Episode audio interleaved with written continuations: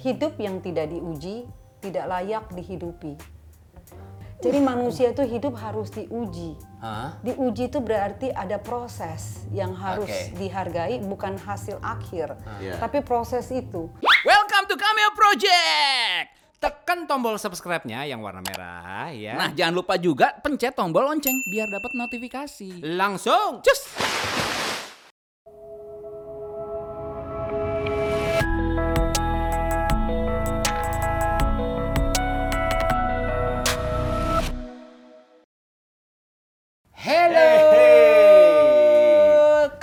Di POV ya. Ya.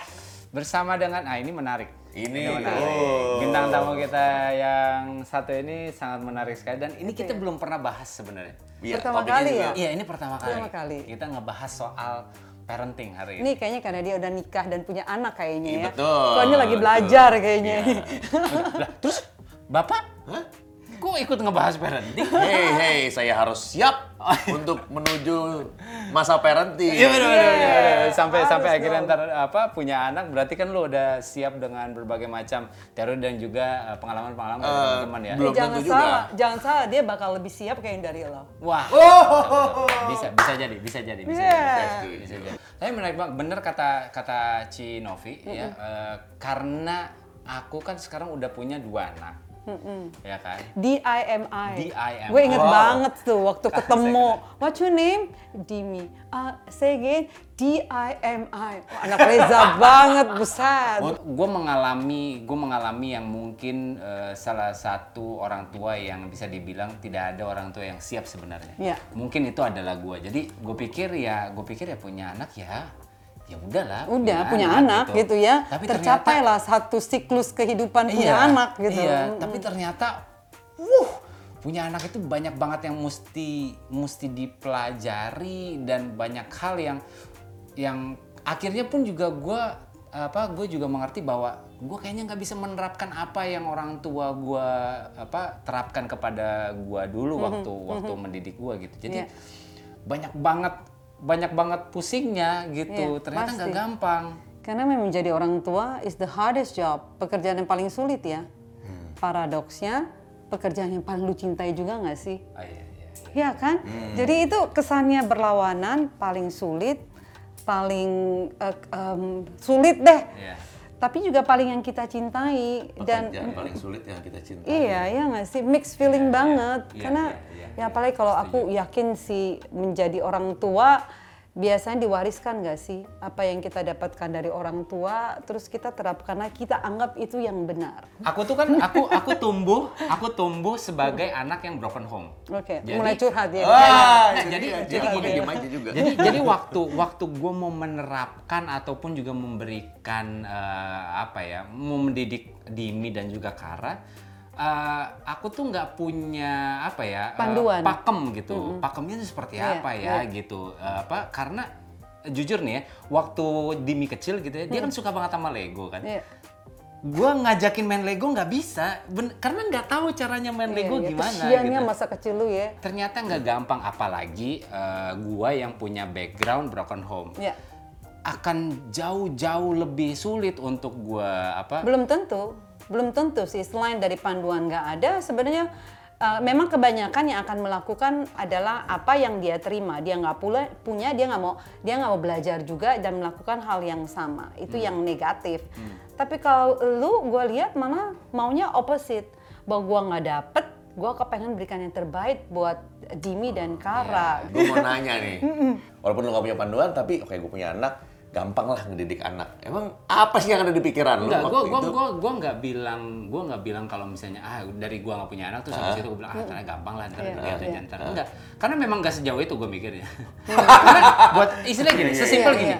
gua merit Punya anak. gua ya untuk istilah gini satu kebanggaan Iya. adalah ya kalau misalnya gua punya istri dan punya anak gitu buat gua apa sih yang gue bisa banggain lagi selain itu? Maksudnya bukan seberapa banyak mobil yang gue punya Iya, atau iya, oke. seberapa banyak atau seberapa besar rumah gua gitu. Enggak gitu. Tapi pada akhirnya yang bisa gue banggain adalah anak-anak dan istri gua Iya, gitu. iya. karena memang yang gua alami pun juga gitu. Ternyata tidak gampang gitu. Dan memang jauh banget ya. Maksudnya kalau misalnya kan Cici kan eh, psikolog Ya. anak, khususnya, ya Psikolog kan? anak, oke. Psiko- psikolog anak. Nah, kalau misalnya ngelihat dari parenting zaman dulu sama zaman sekarang, Oke. mama aku itu ya, Ci ya, mama aku itu uh, selalu punya satu kata, ya, satu kata ini sebenarnya itu positif. Oke. Tapi kan nggak tahu kenapa kalau misalnya dia ngomong yang masuk di otak aku tuh, aku tuh negatif. Iya. Sebenarnya gini, kata itu sebenarnya positif banget. Katanya coba. Oke. Apa yang negatif dari kata Iya, mencoba iya. ya kan? Segala hal yang Iya. kalau misalnya memang apa untuk kita bisa lewatin ya ini coba dulu Iya. gitu kan. Iya, Itu positif banget. Iya. Tapi kalau misalnya mama aku yang ngomong ya, coba, coba. Coba, baru coba ngomong. pegang. Pegang coba, coba. Jadi kan negatif ya. Apa yang aku apa uh, dulu kan pokoknya kayak dulu hal simple lah. Nggak boleh ngeliatin orang. Kalau orang lagi makan nggak boleh diliatin. Iya. Makan eh, main ke rumah teman nggak boleh minta makan. Kalau aku bilang sih stylenya parenting zaman dulu sama sekarang yang membedakan adalah teknologi. Kalau dulu kita dibesarkan dicicil. Jadi dari eh, kecil sampai TK misalnya apa yang boleh, apa yang tidak boleh itu dicicil. Orang tua yang menentukan, guru yang menentukan, nurturing yang menentukan. SD kelas 1 sampai SMP apa aja sih yang boleh masuk? SMP apa aja, SMA apa aja. Jadi kita punya coba deh zaman dulu zaman gue kayaknya sih ya dan majalah quote and quote yang XXX misalnya yang porno-porno itu kan itu dapatnya mana dari SMA terus diimport masuk lagi diem-diem di- ditumpukan baju anak-anak cowoknya ya tapi zaman sekarang coba perhatikan anak diberikan langsung semuanya jebret Akses, full Iya, akses. karena dari kecil nonton aja pakai HP, pakai gadget. Iya, iya. supaya tenang jawabannya, supaya anteng jawabannya. Tapi orang tua lupa. Diberikan sekaligus pada saat anak tidak punya filter antara benar dan salah, pemahaman itu belum ada. Kalau kita kan tadi dicicil. Iya. Dia terima semua sekaligus. Ini yang membuat anak-anak melihat dunia terlalu cepat, terlalu dini. Filternya nggak ada. Nah, teknologi ini.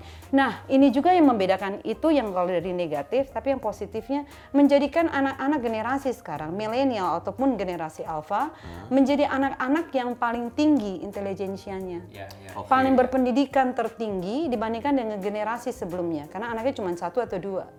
Berarti itu ngomong soal fasilitas ya. Betul. Semakin banyak fasilitas yang mempermudah, semakin daya juang anak ini semakin rendah. Pak, Karena dilayani.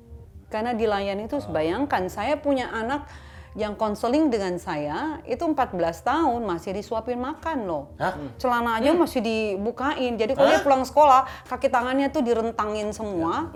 I'm not joking. Yang sa- satu Macam mbak film Iron Man ya. Kalau saya dia Iya, pulang iya. ke markas, dia cuma gini doang, cici, cici, semua copot-copot Nggak, gitu. ya. Jadi jadi ya itu mandi aja masih dimandiin. Padahal bisa dibilang pubic hairnya rambut kemaluannya aja sudah tumbuh loh. Ya jadi tiga stages itu yang kalau datang konseling itu antara 2 sampai 4 tahun. Lalu di usia kurang lebih 14, 15, 16 atau di usia 26, 27, 28. Jadi Oh, ini biasanya yang yang datang ke JJ ini di usia-usia ini nih. usia-usia ini biasa yang paling banyak kalau kita bicara tentang jumlah Apa itu? Eh, memang Ada apa di usia 2 2 sampai 4 itu tantrum seri pertama terjadi. Oke, Ya istilahnya terrible two atau trouble two. Jadi di usia ini sebenarnya usia peralihan antara bayi menjadi toddler. Nah, di, di, di masa ini segala sesuatu dia kepengen pegang, dia bisa lari kan, norak. Jadi kayak katak dalam tempurung keluar melihat dunia, segala sesuatu dia kepengen pegang. Tapi orang tua sudah mulai bilang enggak pe- boleh pegang HP nanti pecah, itu setrum, Listrik ini ya, pecah, ya, ya. ya nggak sih? Kita teriak. Iya benar-benar. Sedangkan waktu kecil dia kalau lapar dia nangis, dia nggak nyaman, BAB, BAK, dia cuma teriak nangis, semua orang datang, oh itu kenapa sayang, gitu kan? Ya. Nah waktu udah mulai besar, kenapa semuanya orang teriak ya? Nangis. Oke. Di samping itu dia nggak bisa ngomong. Ya. Bahasa yang keluar dari mulutnya bahasa planet. Iya? Aunya, aunya, aunya, aunya, aunya, aunya, wah! Lempar akhirnya. Gitu, lempar. ngamuk. Guling-gulingan, teriak-teriakan sampai muntah. Itu tantrum. Oh iya terus muntah. Iya, Semua manusia malah Semua manusia Semua manusia mengalami masa tantrums. Ya. 2 sampai 4 tahun. Ya. Tapi setelah 4 tahun tantrums paling terakhir harus beres di usia 5 tahun. Harus Kalau beres. harus beres. Nah, di situ disiplin betul-betul harus terbentuk Harus beres itu dalam arti dalam apa? arti bahwa dia bisa mengelola karena yang paling dominan di saat tantrums adalah emosi marah. Emosi kan banyak macam, ada takut, ada ada happy, Ya. ada kecewa, ada marah. Nah, salah satu itu adalah marah. Marah ini yang paling dominan dan marah ini eh, relasinya dengan disiplin tinggi banget. Lalu tantrum seri kedua 14, 15, 16. Kalau tantrum seri satunya nggak beres di seri 2 itu, nah itu cari gue Akumulasi lagi. itu, akumulasi Yes. biasanya. Nah biasanya dia terlalu diikutin semua maunya, terlalu dilayani, uh, main perintah doang di rumah, air cuman satu meter jaraknya, mbak minum, mbak bukuku, mbak kos iya, kaki, iya, ya iya, kan? iya, Cuma iya, taunya teriak. Benar-benar. Nah di usia 14, 15, 16 itu akan lebih parah. Tantrum seri 3 muncul lagi tuh. Nah itu 26, 27, 28. Nah manusia di usia 27 tahun tuh kayak in the junction. Jadi kayak di persimpangan. Dia di sini nih, mau ke kanan menikah, punya anak, terus berkeluarga, ya kan? Ke kiri dia tidak menikah, mengejar karir nanti setelah di atas 35 baru menikah. Atau dia lurus, mati, bunuh diri. Oh, itu di jadi cukup rentan banget dong Oh iya. usia-usia itu. Dan lihat deh kalau Google 27 Club itu usia di mana banyak sekali artis terkenal, penyanyi itu mati di usia 27 tahun bunuh Ya. diri. Itu bukan tren. Itu bukan tren, memang eh, kalau aku bilang siklus manusia ya. Mungkin ya karena tantrum seri 3 itu dan mereka ada di posisi teratas dalam karirnya Betul. mereka dan mereka pun juga akhirnya find out bahwa tidak ada Meaning of life. ya ya, ya, meaning ya, of ya, life, ya, makna hidup. Jadi akhirnya itu nggak ada why, who am I. Lalu bertanya, lu lihat sekeliling kok saya nggak punya temen ya? ya. betul Kok fake gitu? Ya. Kok tiba-tiba teman-teman yang ada hadir hanya karena saya terkenal. Dia tahu it's not real gitu, not real fe- friend. Dan akhirnya dengan terlalu capek, teman tidak ada, tempat untuk bicara tidak ada, membuat mereka labil. Dan kalau itu tidak siap di usia yang waktu yang tadi tantrum seri 1 dan 2 tidak dipersiapkan dengan baik, di sini akan decided to end his life or her life. Oke, nah, j- terus dari sisi orang tua, apa yang harus maksudnya apa yang mungkin bisa dibilang apa yang bisa dipelajari supaya bisa mempersiapkan anak ngelewatin fase-fase ini? Hmm, aku suka pakai kata ini loh dari Socrates. Dia bilang begini, hidup yang tidak diuji tidak layak dihidupi. Jadi manusia itu hidup harus diuji. Hah? Diuji itu berarti ada proses yang harus Oke. dihargai, bukan hasil akhir, Iya. tapi proses itu. Nah proses ini yang terkadang tidak dialami oleh anak-anak kita. Ya. Jadi anak-anak semuanya dipersiapkan segala sesuatu karena kita takut supaya dia bisa hidup lebih nyaman dari kehidupan orang tuanya. Tapi kita lupa dengan kita melakukan ini, anak itu coba kita lihat ya, anak-anak zaman sekarang dibully. Anak saya pulang sekolah kelas 1 SD si Jocelyn nangis, "Mami, aku dibully. Lihat badanku kotor semua, aku dipukulin terus tadi kepalaku mau diinjek. Aku udah jatuh, kepalaku mau diinjek." Kalau saya reaksinya begini, "Oh, gitu. Oh, oke.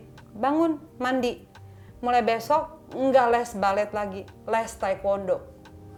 Because I'm not going to be there to protect you. Saya nggak mungkin hadir seumur hidup untuk tiap kali ke sekolah, Bu, kenapa anak saya dibully? Siapa yang ini? Terus itu nggak marahin akan orang bahkan bisa. malah membuat teman-temannya lebih membuli tambah anak sengaja. itu. Kita sengaja. kita Oh, di anak sekolah mama, kan maksudnya gitu. sih, ya ilah, mamis girl gitu Ya, ya, anak ya. mama, cengeng, tambah diledekin. Karena kita datang untuk melapor ke kepala sekolah atau wali kelas. Jadi kalau buat saya, kita perlengkapi anak ini baru hello, welcome to the jungle Iya, iya. gitu loh. Itu maksudnya yang eh, hidup itu harus diuji itu maksudnya hal-hal yang seperti yang apa? sederhana anak 2 tahun pak orang tuanya tahu bahwa kalau punya anak 2 tahun jangan kasih sepatunya sepatunya seperti tali basket yang satu-satu sampai di atas kasih yang velcro. Jadi dia punya self achievement. Waktu pakai sepatunya dia tinggal cetek. Kita bilang weh keren anak mama bisa pakai sepatu. Padahal kita tahu bahwa anak 2 tahun motorik uh, fine motorik skillnya itu belum berkembang dengan baik jadi cariin sepatu jangan yang ngejelimet Iya, cari iya, yang benar. velcro kiri dan kanan dan kasih waktu misalnya 5 sampai 10 menit untuk duduk di situ. Hari ini kita belajarnya pakai Iya. sepatu. Iya, iya. Hari ini kita belajarnya pakai kaos kaki. Hari ini kita belajarnya pakai baju kaos. Hari ini kita belajarnya pakai kemeja satu-satu. Jadi Ah, oke. setiap hari satu skill. Jadi kasih waktu 10 menit. Bajunya yang, yang mau dipakai yang mana, sepatunya yang mana, tapi kan kita yang siapkan. Jadi yang gampang, terus kita kasih waktu, kita tenang di situ. Papa Reza misalnya ya berdiri. Di ini hari ini kita pakai sepatu. Yang mana kiri, yang mana kanan sayang, terus duduk di situ. Wah, saya sering gagal di situ tuh. Gagal sabar. Gue udah tahu, sengaja gue ngomong itu karena gue udah tahu, udah ada bocoran. Jadi lewatin itu bersama-sama gitu. Bersama-sama, jadi saksikan. Kan kalau kita makan misalnya, ada biasanya kita negara beragama berdoa kan, terima kasih untuk makanannya, ini anugerah loh dari Tuhan, bahwa apa yang kita makan biar jadi kesehatan, biar kita jadi tumbuh jauh dari sakit misalnya, amin. Nah pada saat ngomong amin, tapi mamanya nggak ada, mamanya sibuk, nikmati makanannya, jangan pakai HP, lihat makanannya ini apa ya? Oh ini beras. Beras dari mana? Dari padi. Di padi tanamnya di mana ya kan? Ada brokoli di situ ada sup di sana. Nikmati. Jadi apa yang masuk itu adalah berkat. Waktu dia telan anugerah.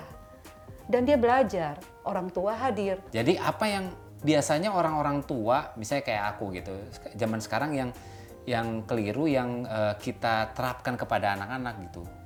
Sebenarnya lebih kepada satu tadi eh, ilmu parenting. Membesarkan anak itu harus ada ilmunya kan. Kita membesarkan perusahaan aja ada SOP, ada standard operation procedure. Kalau kita punya itu, kita akan dengan mudah. Lalu ilmu parenting tahu kapan tahapan tumbuh kembangnya. Tadi hal yang begitu sederhana tentang tantrums, banyak orang nggak tahu. Tantrums dihadapi dengan ngamuk. Dia ikut pukulin anaknya, dimarahin anak teriak, anaknya. dia juga ikut teriak. Dia ikut teriak. Akhirnya jadi satu lingkaran setan. Anak belajar. Kalau marah, lihat contohnya papa. Marah. Berarti kalau saya marah, jawabannya adalah marah. Orang lain kalau marah, saya juga marah. Jadi emosi marah terus dibawa. Anger management yang terjadi. Oh.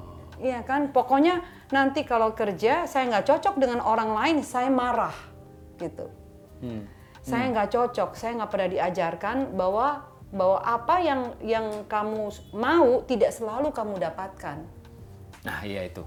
Itu loh. Karena itu kan real banget, itu kehidupan sekali gitu. Betul. Lalu yang kedua adalah pembenaran diri. Maksudnya? Pembenaran diri jadi kayak gua kan kerja, kerja kan buat lu, buat lu makan, buat lu segala macem, buat lu sekolah, gua kerja loh. Jadi lu paham deh, susah loh cari uang. Iya, iya. Kata dia yang suruh lahirin gue siapa? Oh. Wuh. Jadi anak tumbuh besar seperti apa itu adalah tanggung jawab orang tua sepenuhnya. Yep. Karena orang tua adalah pendidik pertama dan terutama. Eh, kebayang nih kalau gue gue Iya. punya anak, oke intensitas gue dalam menjaga mendidik itu di awal karena dia masih kecil nyantai lah masih Iya. gue masih bisa prioritas ke Iya, yang lain. Ini betul. ini gue awalnya sebelum Iya, ngobrol iya. gitu ya. Terus nanti oh gue baru kalau misalkan gue punya anak cowok, cewek, oh gue akan khawatir waktu Iya, dia bener. udah mau teenager nih. Wah, Iya. gue mesti hati-hati nih dia Iya. gaul sama siapa nih. Jadi gue taruh intensitas gue, gue tambahin. Iya. Tapi kan padahal golden age 0 sampai 6. Iya. Iya kan? Ternyata Iya. salah dong, itu kebalik. Iya, benar. Justru jangan dibolak-balik. Iya, iya, Yang iya. paling penting itu di usia 0 sampai 6 tahun. Itu Iya. absorbent mind. Jadi dia absorb semua, segala Dia sesuatu yang diberikan 100% apa yang kita kasih, 100% tanpa filter.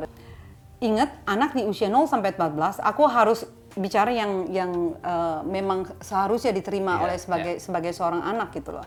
Kadang-kadang kita percaya anak itu kan tanggung jawab. Betul. Em, mereka butuh kuantitas dan kualitas waktu kita.